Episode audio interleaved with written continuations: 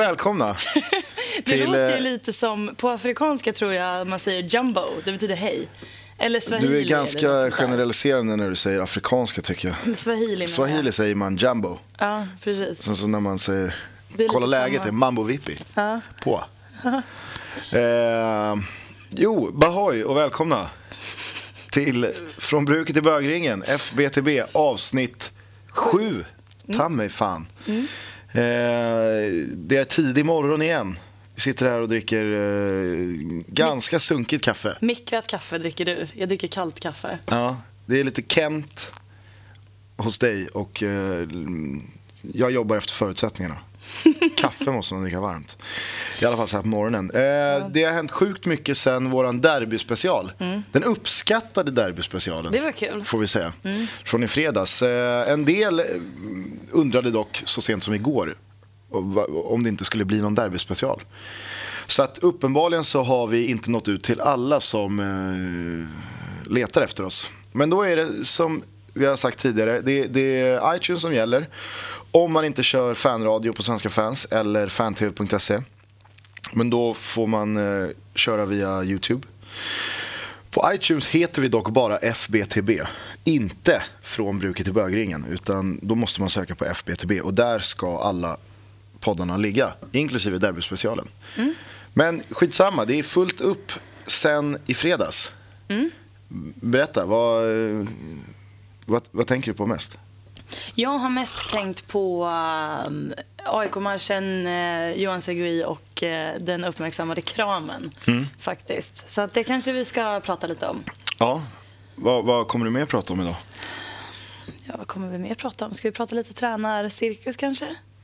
Ja, det måste vi göra. Absolut. Absolut. Och sen så måste vi ju eh, ta upp det som jag alltså helt sjukt nog tycker har flygit under radarn. Eh, per-Mattias Högmos negeruttalande från i fredags. Va? Har du inte hört om det? Nej. Nej, exakt. Det är Skämtar helt sjukt du? vad det har flugit under radarn. Nej, jag skämtar inte alls. Eh, men vi kan, vi kan ta det lite senare. Ja, verkligen. Jag ska också säga det, att jag frågade igår på Twitter, jag såg att du också har gjort det. Jag vet inte vad folk svarar dig när du frågar liksom, vad ska vi ta upp i podden. Men när jag frågar det så är det en stark majoritet som efterfrågar en liten sång från dig. Och jag måste säga, jag är lite, lite inne på det här spåret också för att du behöver ju börja träna. Du ska ju faktiskt söka till Idol nästa år. Ja. Ja, just nu så sitter jag och, och förmodar att det inte blir någon till säsong i och med att nivån är så jävla dålig. Nivån är bedrövlig. Jag tänkte på det också. Men vi kan, vi kan, vi kan inte prata med Idol. Vi, du, du, måste, du måste fatta det. Fast det- okej. Idol-förbud på minst fyra avsnitt nu. Okej, jag- då får jag bara säga en sista sak. Kommer det någon sån här äh, likvärdig motsvarighet, typ X-Factor, kommer X-Factor tillbaka, då får du söka till X-Factor. Nej. Slå, så flexibel måste Det, du vara.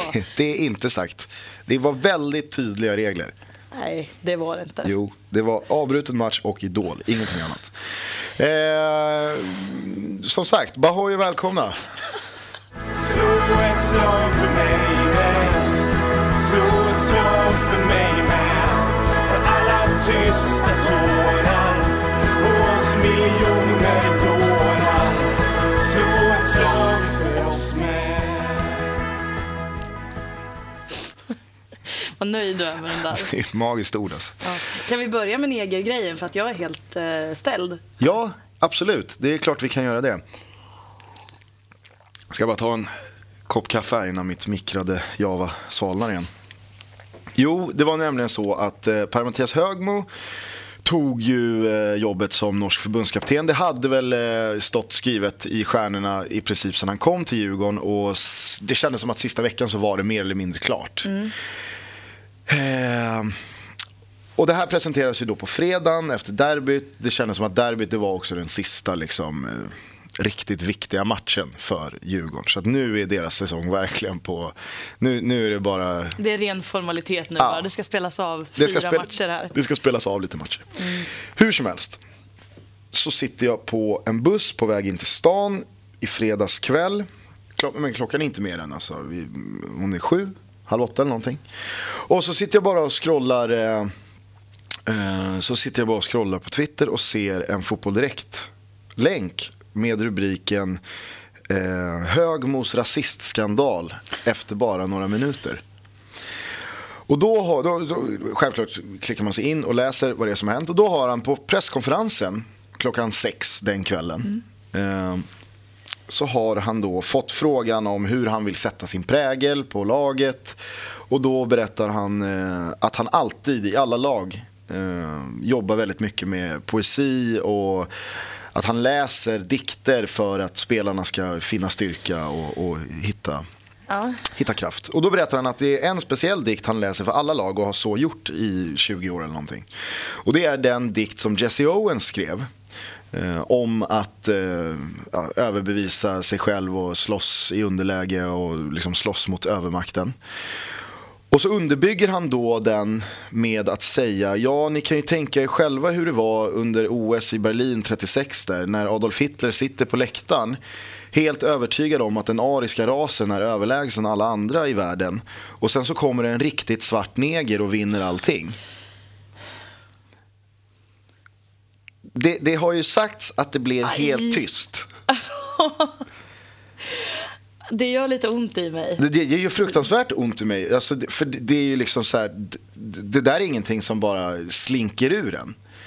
I synnerhet inte när man får in riktigt också. Nej. Eh, men det är också ett bevis på hur, hur eh, svårt det blir för saker att slå igenom när det sker på fredagskvällar. Och det rör Norges förbundskapten numera och inte längre Djurgårdens tränare. För det känns som att väldigt många har, eh, de som har vetat om det, eller de som hörde det, de som läste det, de, de som det var aktuellt för. Eh, De valde att sopa under mattan. Oj, oj, oj, oj, oj. Nu är han ute på tunn is här, Högmo, för första gången. Han har inte, varit på han har inte ens varit på tjockis. Nej, nej, han har nej, inte varit på is sen han kom till Djurgården. Utan det har ju varit felfritt. Ja. Klockrent, hela vägen. Och sen så säger han det här. Han fick ju jättemycket skit. Ja. Direkt så kom ju frågorna, vad fan menar du? Och det, det liksom skickades in eh, sms och mejl som lästes upp att liksom, han, han tar bort honom från, han är en skam för norsk fotboll och Oj, oj, oj. vi kan inte ha en sån här förbundskapten, avsätt han direkt och liksom. Och jag kan ändå känna så här, eh, skit ska ju skit ha, det är ju en liten devis jag lever efter, det vet du. Eh, och äh, ja, ja, det, det är bedrövligt sagt. Bedrövligt sagt. Lika mycket som att jag hatar att jag också vill sopa det under mattan för att man gillar Högmo. Ja, men så, så är det ju. Ja, man tycker ju inte om när ens egen bild av någonting ifrågasätts. Framförallt inte när det gäller just Högmo som man har haft en så tydlig bild av mysfarbror som skrotade runt på Kaknäs och liksom med bomull och salva liksom lagade ett väldigt trasigt Djurgården. Då vill man att det ska få vara så. Verkligen. Det, ja, det, här var, det här var jobbigt att höra faktiskt. Ja, det är... Så där får man inte säga. Nej, verkligen inte. Och, och alltså, problemet är ju att det blir så tydligt också att det där är ingen grej som du kan säga fel. Alltså, du, har säger inte, du, du du säger inte fel. igenom vad du säger. Du säger, inte, säga du säger inte fel och det blir så. Nej. Utan han, han, han säger ju precis det han vill säga. Jesse Owens var en riktigt svart neger. Det Mm. är ju exakt det han vill säga. Och han väljer att uttrycka det så. Vilket bara liksom, alltså, det innebär ju bara en sak. Det, kan, det är inget missförstånd här. Nej, och om du ska presenteras som förbundskapten i fotboll och vet att du ska ha en presskonferens, då har du ju funderat på vad du ska säga också. Mm. Du går inte upp där och freestylar. Nej, det är otroligt, otroligt klantigt. Men det är som du säger, det, jag, jag har inte hört ett ord om det här. Jag har inte sett någonting om det här på Twitter. Så det, det var ju verkligen... eh, Det var ju verkligen konstigt. Mm. Ja, jag, beklämmande. beklämmande. Ja, verkligen. Eh, tråkigt, om, tråkigt om man ska gå ut så här. Ja, Då, då blir det lite så här. Då blir han bara ännu en förlegad eh, gubbe som var jävligt mysig. Och man gillar det så fan. fan. varför gör du så här mot Exakt, oss? Högmo. Det, det känns nästan sekundärt det du sa. Det, Det primära i det här är att du, Det är- du, sabbar, du sabbar ditt eftermäle. Det är ett svek. Slå ett slag för mig med Slå ett slag för mig med För alla tysta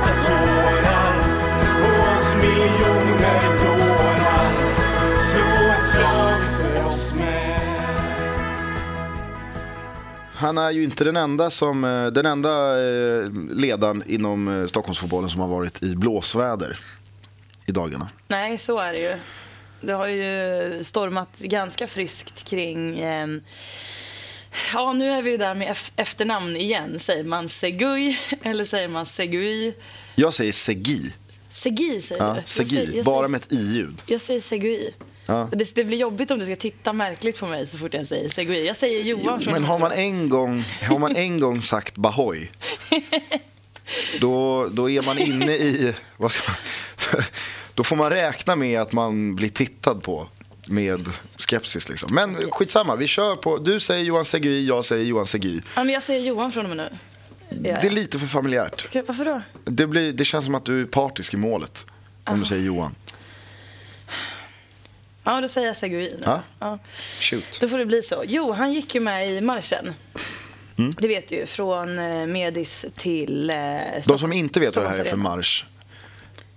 Vad, vad var det för marsch? Det var ju AIK-supportrarnas marsch. De hade ju, eh, inför derbyt i torsdag så hade de ju bestämt att de skulle hänga på med, Medis. Eh, det var där liksom AIK-hangouten skulle vara och så hade de bestämt en tidpunkt där alla skulle samlas och gå i en marsch längs med Götgatan för de som är bekanta med Stockholm, över Skanstullsbron, upp till Gullmars och sen eh, till, till arenan för att kolla på matchen. Och det är ju någonting man gör för att bygga lite stämning och gemenskap och sådär inför derbyt. Så. Och då hade ehm, Johan Segui och eh, Edselius och säkert några fler, men det är de här två som, eh, som eh, det har varit uppmärksammat kring att de valde att gå med i marschen. Och det första som hände då var ju att DN Sporten la upp någon bild på Segui och en maskerad supporter och tyckte att vad gör AIKs ordförande där, eller AIK-bossen som de har kallat honom också. Vad gör han där? Varför står han in till en maskerad supporter? Och det här, man behöver inte veta speciellt mycket om AIK för att vara, ha skaplig koll på hur deras taktik ser ut gentemot supportrar och risksupportrar och eh, hela den biten. Liksom. De har ju valt att vara närvarande och ha en dialog med alla. Alltså alla från barnfamiljer till firman Boys pratar de med och sådär. Och då känns det ju också ganska logiskt att då kan man gå med i marschen. Och då kan det också hända att du hamnar på bild tillsammans med någon som har en, en mask på sig. Så. Men då ifrågasatte man det och eh, Segui sa ju liksom att, nu säger jag Segui. Mm. Han sa i alla fall att eh, ja, jag fattar inte grejen med maskerna men jag fattar heller inte grejen med att hela tiden fördöma och ta avstånd från, eh, från supportrar utan jag tror på att snacka med dem istället. Och det, det tror jag alla vet som har jobbat med människor någon gång att det är, det är ganska eh, alltså, det är ganska komplicerat att be folk göra saker eller att be folk inte göra saker. Du kommer längre om du får dem att själva vilja göra saker. Så att det är bara liksom eh, supervettigt hela den här grejen. Eh, Ska väl också kanske flika in här för de som har dålig koll på Johan Segi. Att han är ju kanske inte den, den typiske, eh, han har inte den typiska bakgrunden för någon som är eh, ordförande nej, i alltså, en stor allsvensk. Han har ju en, han har ju ett annat band till, vad ska vi säga, stökiga supportrar Mm. än vad kanske Kalmars dito har. och, jag, och jag tror att Och med, med, det vill jag Det- inte säga, med det vill jag bara inte säga, alltså med det vill jag verkligen inte säga att eh, Johan Segi har, har liksom sämre förutsättningar eller konstigare för, eller alltså att han är snett ute. Nej. Jag, jag står helt bakom den här liksom, dialog, vi- strävan efter att ha en dialog med alla supportrar. För att man kan inte förbjuda folk att hålla på ett lag. Nej. Och om firman Boys eh, håller på AIK, då, då får man arbeta utifrån de förutsättningarna. Man kan inte förbjuda dem att inte hålla på AIK. Nej. Eh, eller förbjuda dem att hålla på AIK. Men det blir ju också då eh, ganska logiskt att AIK tar den här ställningen i den här frågan. Och det är ju, jag tror att det snarare är den, den stora boven i dramat till varför det har blivit en clash här mellan liksom Ja. DN Men jag och... tycker, också ja. att, jag tycker också att det någonstans eh, är konsekvent. Eh, Jag vet inte om det är rätt ord, men det jag menar är att det känns som att folk blir, eller folk eller media, liksom vem, vem det nu är som väljer att ifrågasätta det här. Jag vet inte om de provoceras mest av att AIK har den här taktiken eller att de är helt öppna med det och säger att ja, vi snackar med Filman Boys. Vi har en dialog med dem och vi kramas med maskerade supportrar. Liksom. Det är fine. Eh, Johan Segui är ju inte en person som, som heller står och pratar med en journalist och säger det han tror att man borde säga eller det han tror att journalisten vill höra. Liksom, utan han, han säger det som känns rätt i magen att säga. Vilket jag hade varit väldigt stolt över om jag hade varit AIK-are.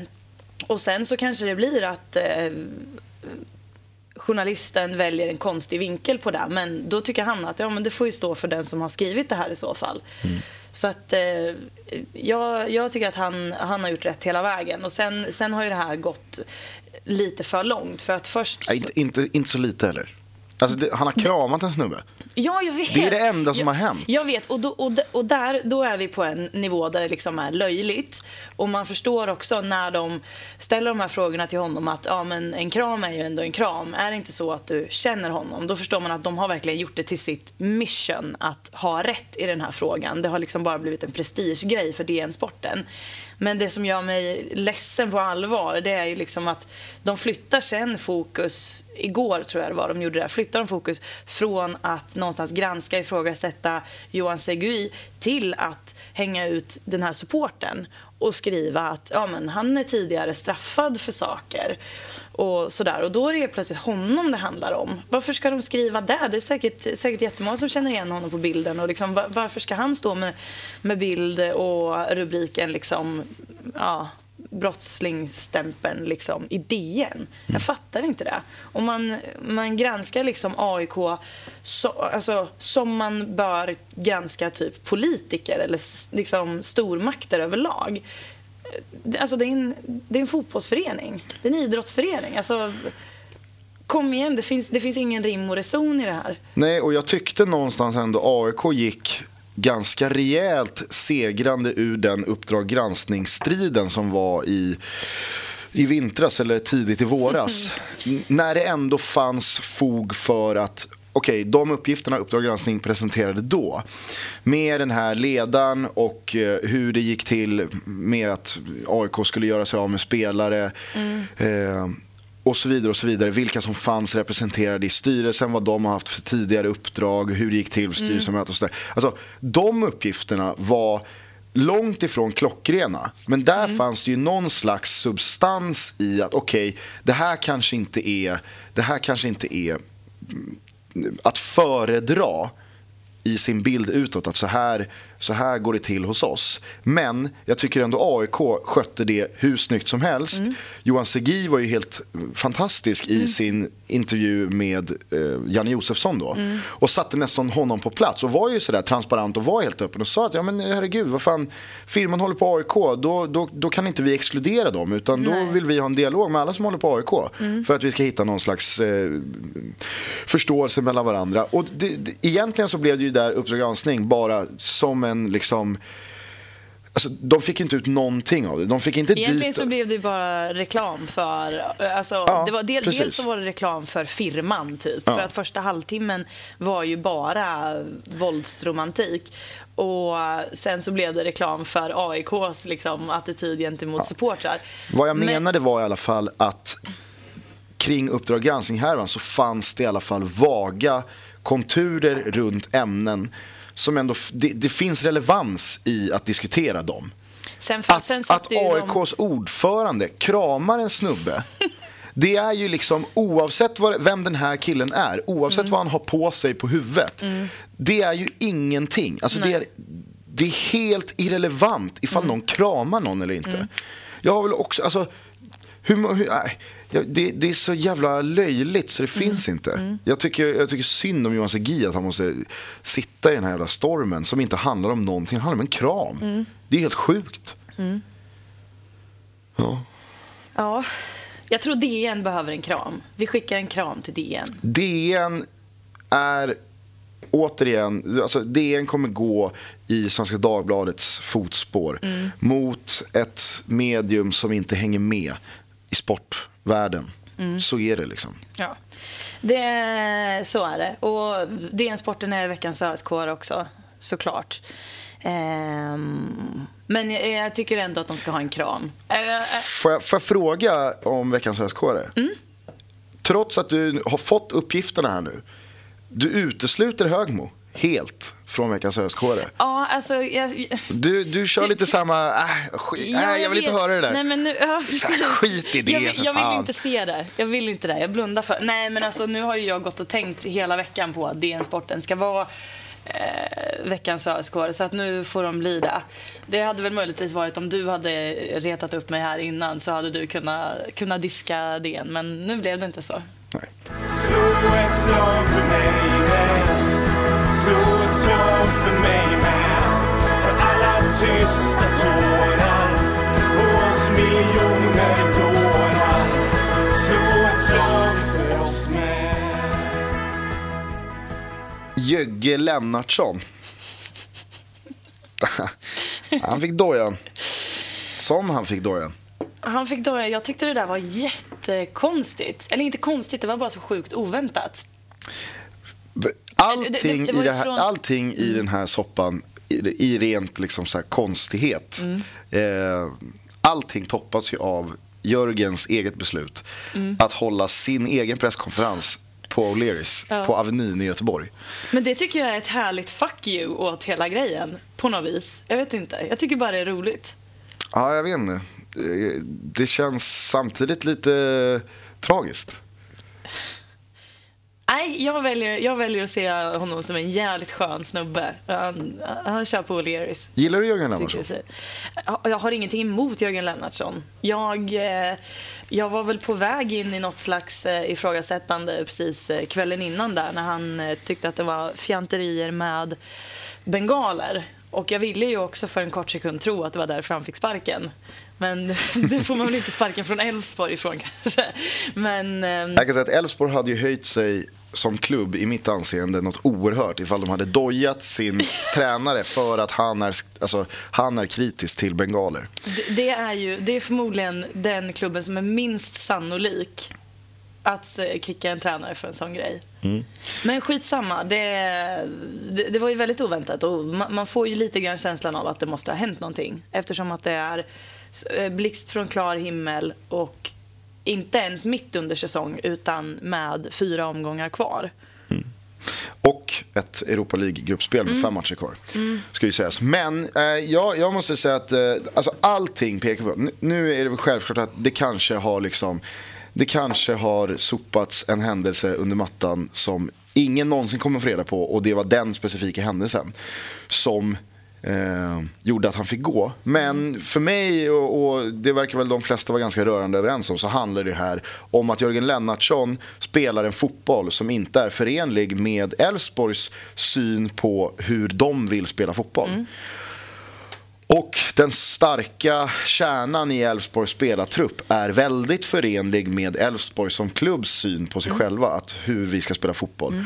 Och det känns som att Elfsborg som förening är en, alltså det, det, det är ett tajt sammansvetsat gäng mellan spelare, supportrar, sponsorer och staden Borås. Liksom. Det- Alla är väldigt överens om att Elfsborg spelar fotboll på ett visst sätt. Hellre att vi spelar fotboll på ett visst sätt och kommer trea. Och alla går därifrån och kan vara stolta över att vi spelar en härlig, fyndig, fartrik, teknisk, kul fotboll. Än att vi spelar ett cyniskt 4-4-2 Eh, och, och bara lägger oss på försvar, lägger oss lågt, sätter pressen på halva halva och mm, går rakt i djupet för att peta in 1-0. Men det blir ju ett sånt jävla underbetyg till Elfsborg varför man då värvar Jörgen Lennartsson. Man måste ha vetat att Jörgen Lennartsson är en tränare som inte är ute efter att charma publiken före att vinna och ta tre poäng. Han, han, liksom, det står ju i hans panna.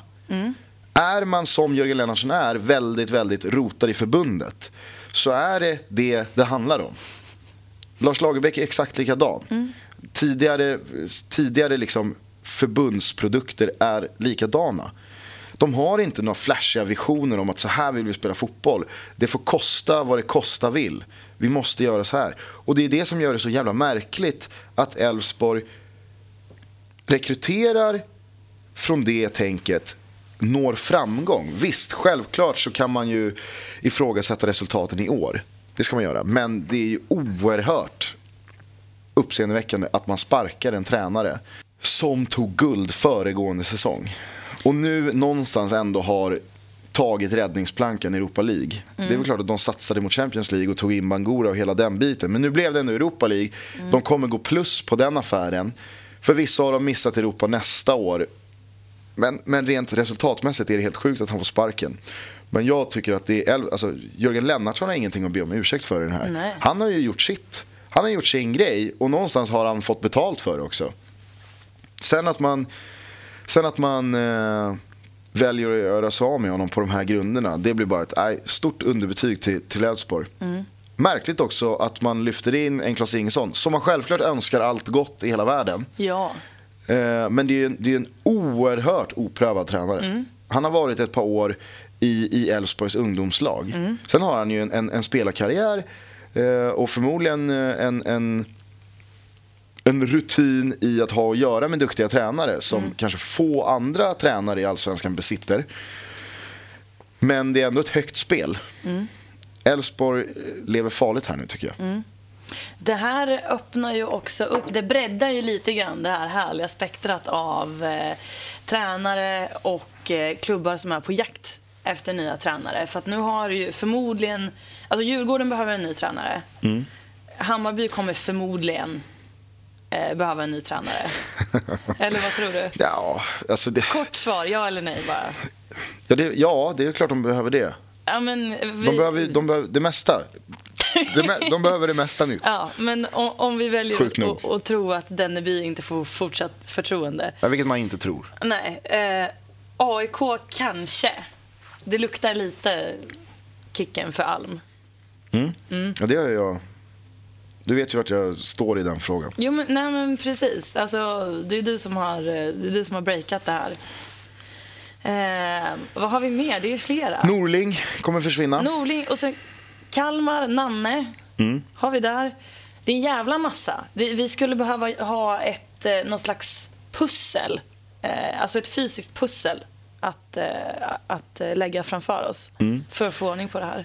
Den gamla semesterfiraren Conny Karlsson spädde ju på sitt eget rykte också genom att sitta bredvid Anders Grönhagen på Örjansvall. Han gjorde ju det. Jag såg det var någon djurgårdare som, som skrev jag hoppas de bara är kompisar. Ja, nej, jag, jag vet inte. Spontant så känns det som att eh, Conny inte är rätt man för Djurgården. Nej. Eh, Conny skulle, jag tror att Conny skulle vara en bra lösning för Bayern. Mm. För att Conny Karlsson, det är en cynisk jävel.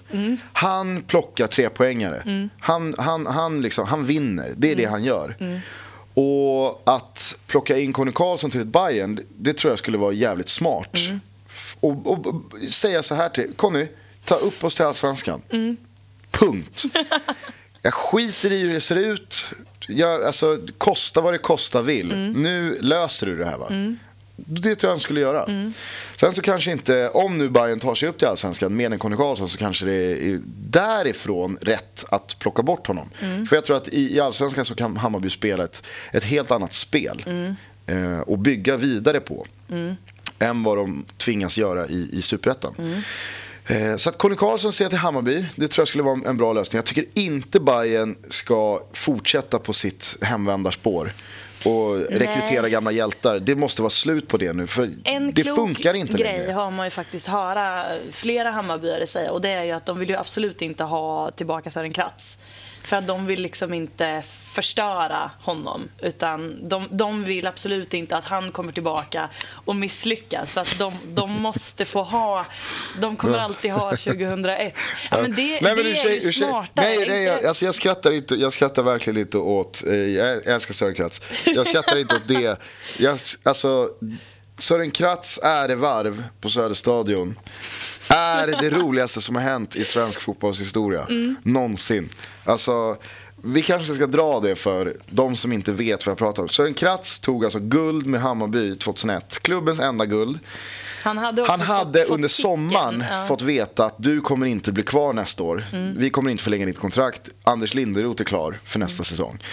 Sören knyter näven i fickan och vinner guld. Mm. Och blir ju självklart liksom odödlig förklarad på Södermalm. Det är han i Degerfors också för övrigt. Mm. Hur som helst, två år senare, 2003, så är Sören Kratz i Helsingborg. Han är tränare i Helsingborg. Helsingborg åker upp och möter Bayern på SÖS. Och Bayern vinner matchen med 2-1 tror jag. 3-1 kanske. De vinner i alla fall, Bayern. Och Helsingborg, för Helsingborg var det här en tung förlust. Alltså det var ju en... Det var ju en eh, det var inte bara en liksom lunkig match i omgång 20... Det var ju 26 omgångar på den tiden. Så att, ja, det, det, den betydde saker i alla fall. Helsingborgsspelarna går därifrån, de går av planen. Sören också, in i katakomben av Söderstadion. Och så börjar, så börjar ju ramserna rulla från ett överfyllt Söderstadion som är där för att hylla sin gamla guldtränare. Att han ska ut på planen igen. Alltså det är så jävla, jag minns det som igår. Sören Kratz får feeling inne i korridorerna och känner nej, jag kan inte.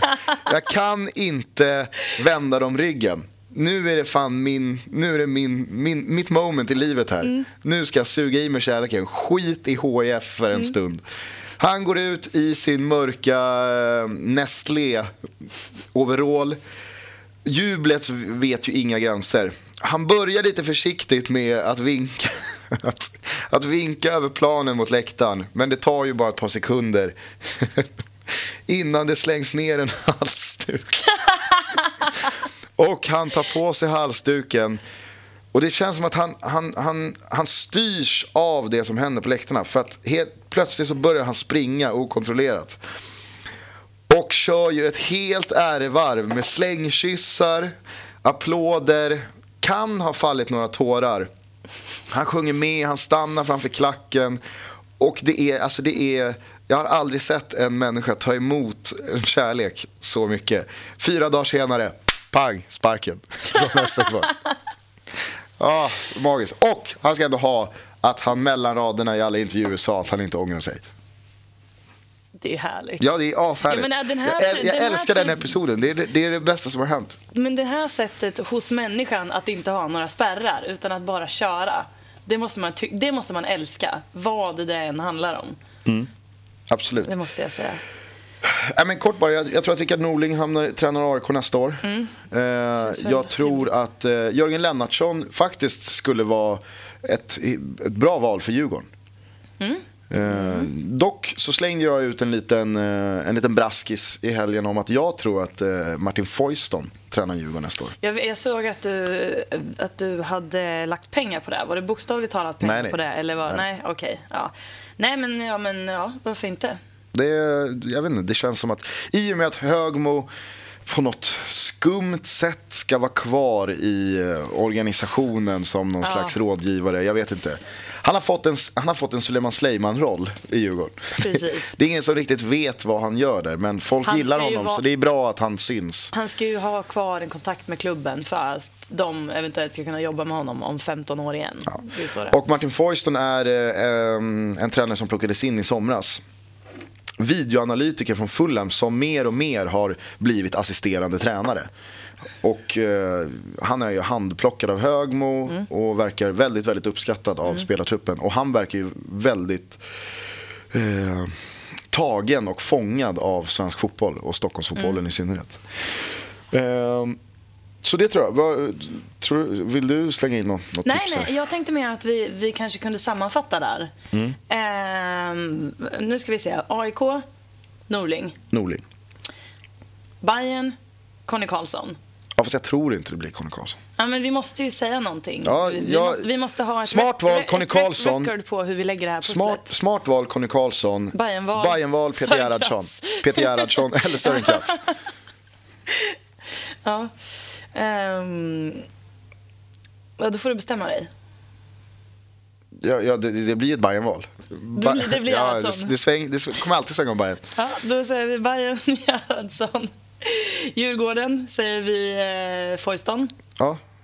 Vi säger Kalmar, har vi sagt Kalmar? Nej, det har vi inte. Men Nej. Kalmar är, Kalmar är ju sjukt nog i en liten sits eh, som Manchester United var i våras. Nej, men alltså, Ja, vem ve- vem ja. vill lyfta Nannes mantel? Nanne Nej. har, ju liksom, Nanne har ju tagit den där klubben från bakgården Mm. av svensk fotboll till liksom en, en etablerad övre halvan-klubb i allsvenskan. Och det ska man inte underskatta. Mm. Nej. Hur, hur enormt det arbetet är. Nej. Det är samma sak. Vem, vem skulle vilja ta Gävle efter Pelle Olsson? Så Andreas jag- Alm kanske? Oj, oj, oj, det är en högoddsare. Ifall Almen åker upp till Strömvallen. Ja. Jag skulle Eh, bli och- lycklig, jag det vill bara säga det. Jag skulle bli lycklig om... eh, Kanske är Pelle Olsson rätt man för Kalmar. Kanske.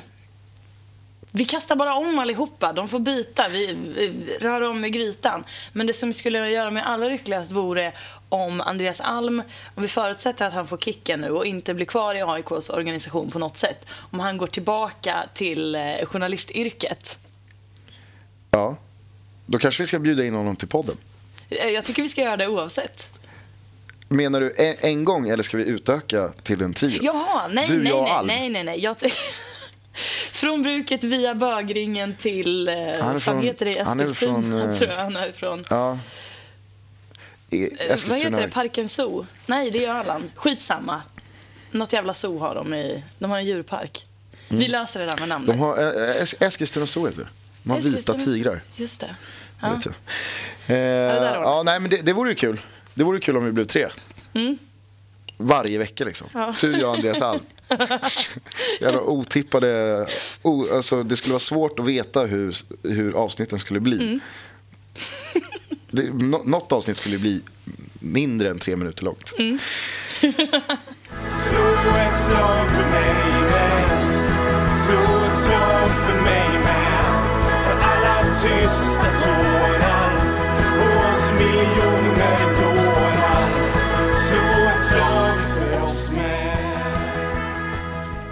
Nu har vi inte hela dagen på oss. Du, ska du utse veckans eh, Lundén? Ja, just det. Veckans Lundenare. Du, jag, eftersom att det här bara är andra gången och folk eh, kanske inte minns riktigt eller bara inte hörde förra avsnittet så eh, kanske Ja, men var, varje vecka så delar du ut veckans öskåre. till någon som har till någon som har gjort det dåligt. Det, på... det är inget pris man vill ha. Nej. Eh, och då måste jag liksom jag måste ju väga upp det här. Som en motpol så delar jag från och med förra veckan ut veckans Lundén. Eh, ett, ett mer positivt pris. Det, det är som matchens lirare. Bra jobbat, härligt. Här har du en blomkvast.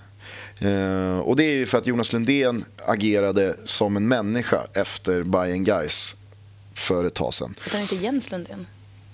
Jens, Nej, men vi släpper det här med eh, namn. Eh, ja, men jag hoppas du vet vem Jonas Lundén är. Ja, men jag hade för mig han hette Jens bara. Je- Jag vet Jens ju, bara, jag vet inte ens Lundén. Nej, han heter bara vet- Jens. Jag vet ju vem det är. Jag bara, Nej, Jonas Lundén. Ja, nej, men då heter han Jonas då. Jonas Lundén. Det, alltså, han är ju, det är ju Jo, men- jättebra, han var jättebra fotbollsspelare. Ja, men jag har bara fått för mig att han heter Jens. Okej. Eh, Jonas Lundén i alla fall. Vi, vi, kan få, vi kan bara säga Lundén i fortsättningen. Ja, klipp bort det här med Jens. Bahoy. Ehm, det, det är något bra i alla fall. Veckans Lundén. Han var en jävla, även fast jag tyckte han hade fel i sak så agerade han på ett bra sätt. Och det vill jag uppmärksamma. Så att veckans Lundén går till någon som har gjort det, någonting väldigt bra senaste veckan. Och ehm, Det är ju inte så eh, lätt. Det, det känns som att det har varit, det har varit mycket, mycket snedsteg snarare än många bra steg. Men jag delar ut veckans Lundén till Johan Segi. Eh, för att han, liksom, han, han står på sig. En, en liten, en liten eh, liksom, om vi bara kliver utanför Sveriges gränser snabbt. Så jag tror inte att du såg det, men igår, Champions League, eh, så satt Michel Platini och hela Uefa-gräddan på Basels hemmaarena när Basel mötte Schalke. Och i eh, andra halvlek, helt plötsligt så firar två Greenpeace-aktivister sig ner från läktartaket. Och en enorm, enorm megaflagga eh, firas ner över hela långsidan, mitt emot Michel Platini. Där de över hela flaggan sågar Gazprom, som är Uefas huvudpartner sen något år tillbaka, med texten “Don't foul the Arctics”. Enorma pungkulor krävs för att göra en sån aktion på en Champions League-match. Så att trots att det sker utanför Sveriges gränser en liten del av veckans Lundén går till Greenpeace och de här människorna bakom den här aktivisten. Jävla modigt gjort. Med.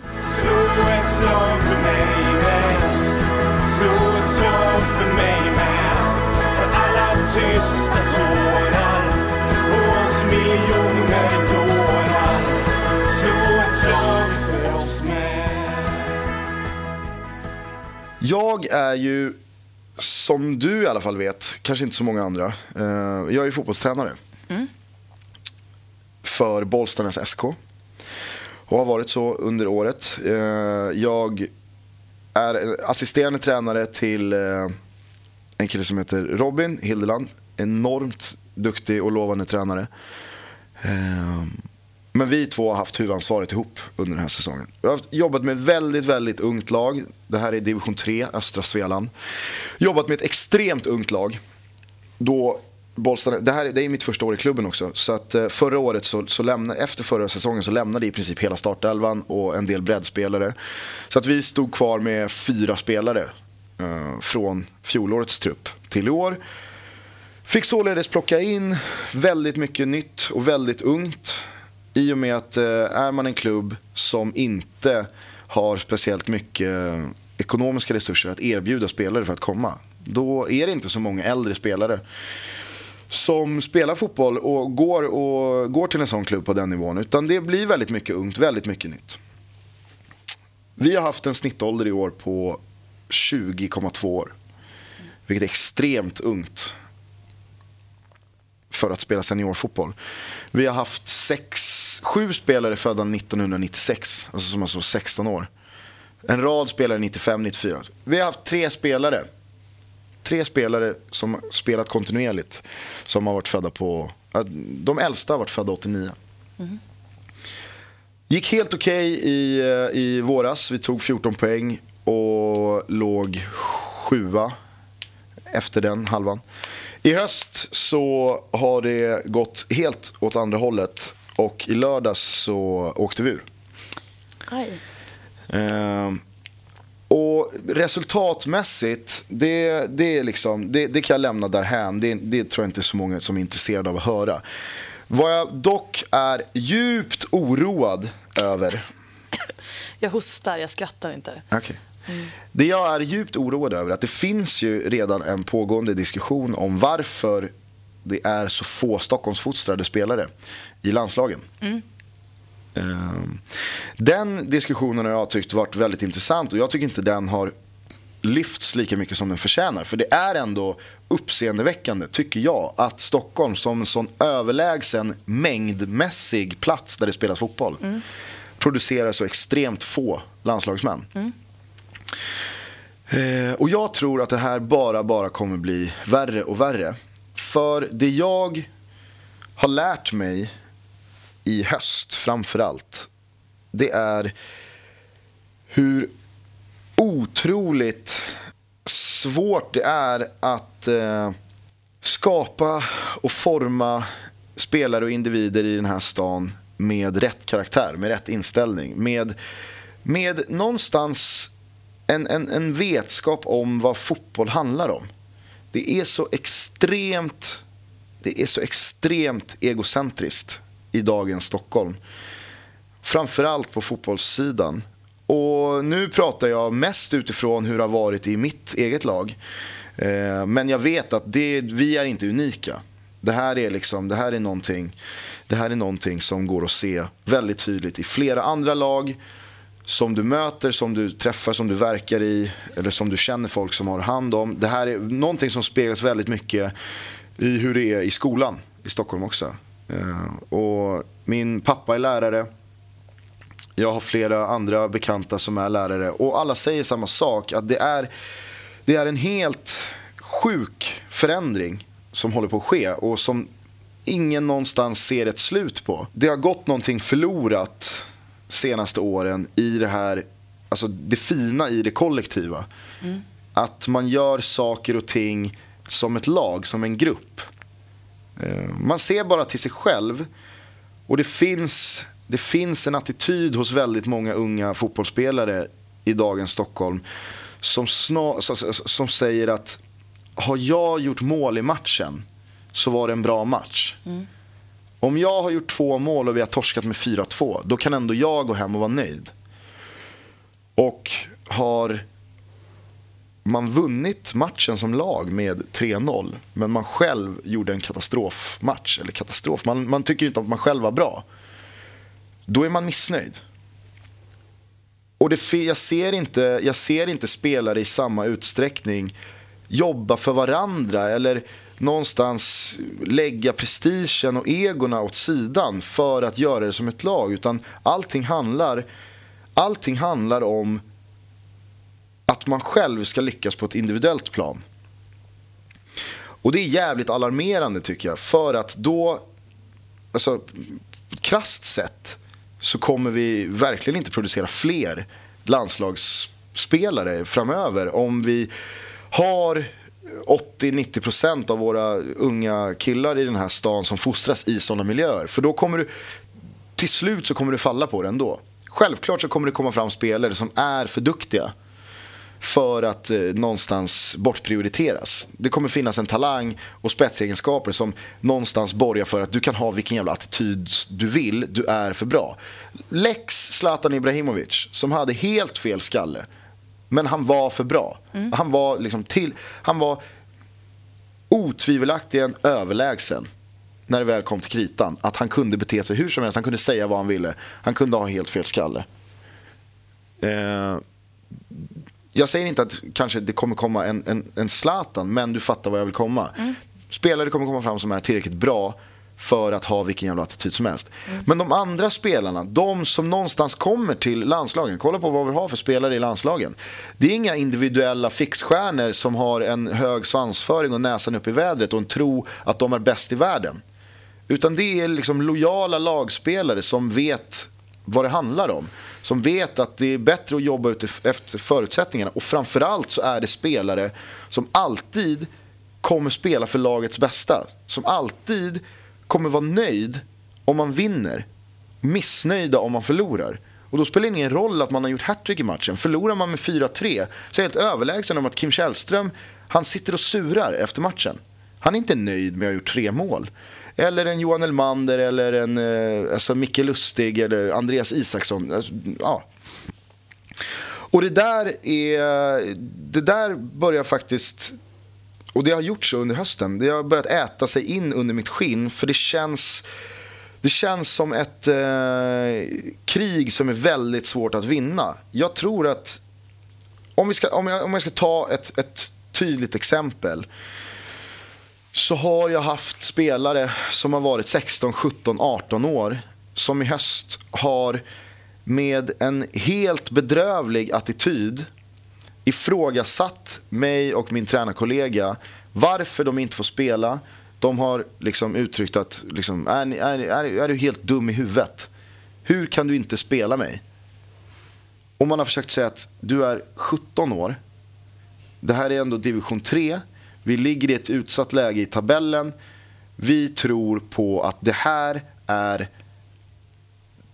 de bästa förutsättningarna för att vi ska vinna det här som ett lag och ta tre poäng. Men man bemöts av en spelare som tycker att men jag är ju bättre än honom. Och så försöker man igen förklara att men det är inte det det handlar om. Utan vi tror att den här, den här sammansvetsningen av 11 spelare ger laget bäst möjlighet att vinna matchen. Sen så kanske du på en individuell nivå är mer tekniskt skicklig än den här spelaren, ja. Men det är inte allt. Men de förstår inte. De förstår inte vad man menar med det. Och när jag då försöker förklara för vissa spelare att det handlar inte om hur bra du är individuellt, utan handlar, det här är en lagsport. Det handlar om att vinna matcher ihop. Det handlar om att efter en förlust också, oavsett hur det har gått för en individuellt i matchen, göra det som ett lag. Och så säger den här spelaren, liksom så, ah, men jag, jag, jag, jag lovar att om jag, om jag får spela så kommer jag göra mål. Och så säger jag så här, ah, men hade du sagt precis här nu för två sekunder sedan att om jag får spela så tror jag att vi har en större chans att vinna den här matchen. Vi. Vinna matchen som ett lag. Då är du ändå inne och snuddar på det vi menar. Men igen så, så säger man att om jag får spela så kommer jag göra mål. Och då säger jag så ah, okej, okay, så att eh, du menar att du kommer göra mål men vi kanske förlorar med 4-1, men då har du gjort det bra. Ja, det är klart. Det är klart, jag, då har jag gjort mål. Då är jag, liksom, då är jag godkänd. Mm. Och det, det, är så jävla, alltså det är så, det är så djupt rotat det där. Man kommer från en sån individfixerad miljö och bakgrund i den här stan. Att jag, det, jag är alltså på riktigt jävligt orolig. Mm. Det, det, det, kommer, det kommer märkas tydligare och tydligare tror jag för varje år som går. Att spelare idag, unga spelare idag, de är bara ute efter en quick fix för sig själva.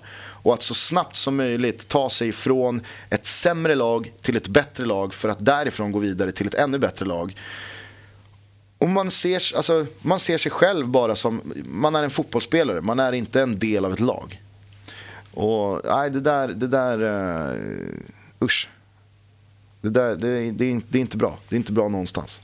Nu, nu har vi åkt ur och uh, det är en jävla besvikelse. Det var, inte, det var långt ifrån målsättningen kan jag säga. Eller långt ifrån. Men det, vi uppnådde inte vårt mål. Men igår, vi åkte ut i lördags. Eh, ställde träningen i måndags. För att liksom, det kändes som det naturliga att göra. Att nu tar vi två dagar och slickar såren.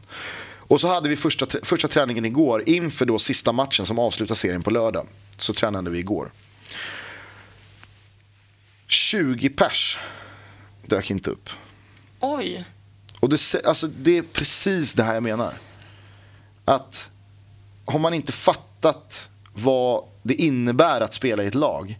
Har man inte fattat vad liksom, fotboll handlar om. Att man vinner och att man förlorar som ett lag. Och att man, alltså man, gör, man spelar i ett lag. Man beter sig på ett visst sätt om man spelar i ett lag. Man visar varandra en viss respekt om du spelar i ett lag. Det är det det, alltså, det handlar fotboll för mig om. Mm. Att 20 av 26 pers skiter i träningen med givetvis då massa usla jävla förklaringar. Jag måste plugga, jag är sjuk, jag bla bla bla. Någon var säkert sjuk, någon mm. behövde säkert plugga. Men det är fortfarande Kanske inte så. Inte 20 stycken. Det är inte, det är inte, nej exakt. Och när man då har ställt träningen dagen innan för liksom, okej, okay, vi fattar, vi har åkt ut. Vi behöver inte träna fyra dagar den här veckan. Mm. Men vi ska, vi, liksom, vi, ska göra det här, vi ska göra det här snyggt, vi ska göra det värdigt, vi ska, vi ska visa respekt gentemot serien, våra motståndare på lördag, våra andra motståndare i serien. Men framförallt så ska man visa respekt mot sporten. Man kan inte bete sig på ett visst sätt. Och att då 20 pers stannar hemma med massa jävla dåliga bortförklaringar understryker bara än mer det här jag försöker sitta och prata om. Att unga killar idag, de fattar inte vad det handlar om. Eller väldigt många, jag ska inte dra alla över en kam. Men väldigt, väldigt många förstår inte på ett väldigt alarmerande sätt vad det innebär att spela fotboll. Utan de tror att det handlar om hur många mål gör jag i den här matchen? Hur bra är jag? Det är det det handlar om. Och eh, det vill jag någonstans bara uppmärksamma folk på att så går det till nu för tiden. Och det är väldigt beklämmande och tråkigt. Slå ett slag för mig, man. Slå ett slag för mig, man. För alla Mm.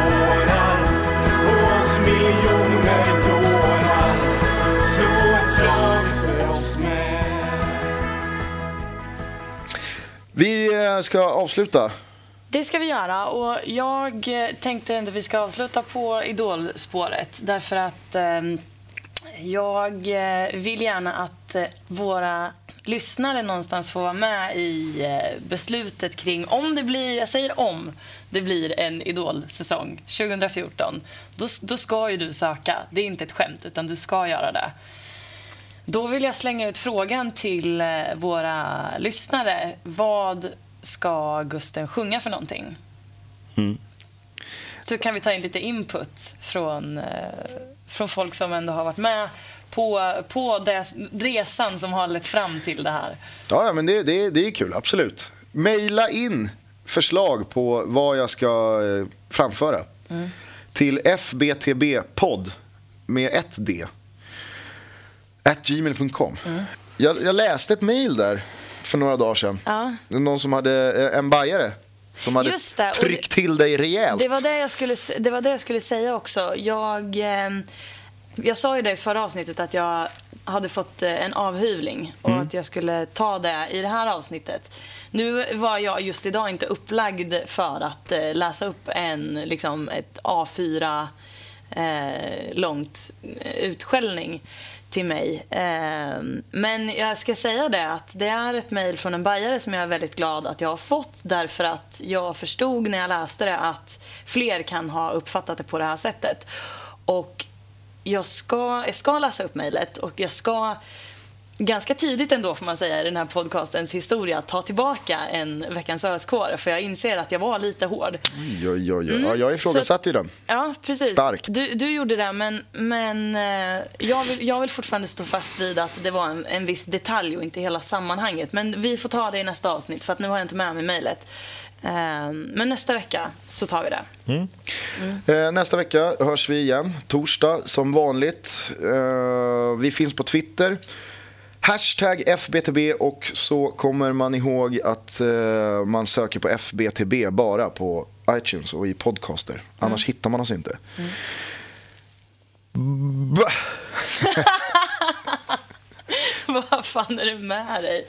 Ja, men, eh, vi har gjort det till en härlig tradition här, att du tar oss i mål. Ja, men idag så, så vill jag bara ta eh, Johan Segui, eh, Per-Mattias Högmo, dig, alla dina skitungar i ditt lag.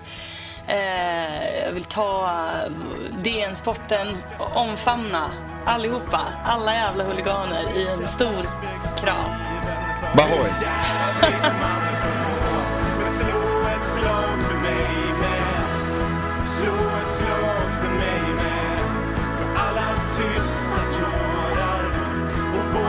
Men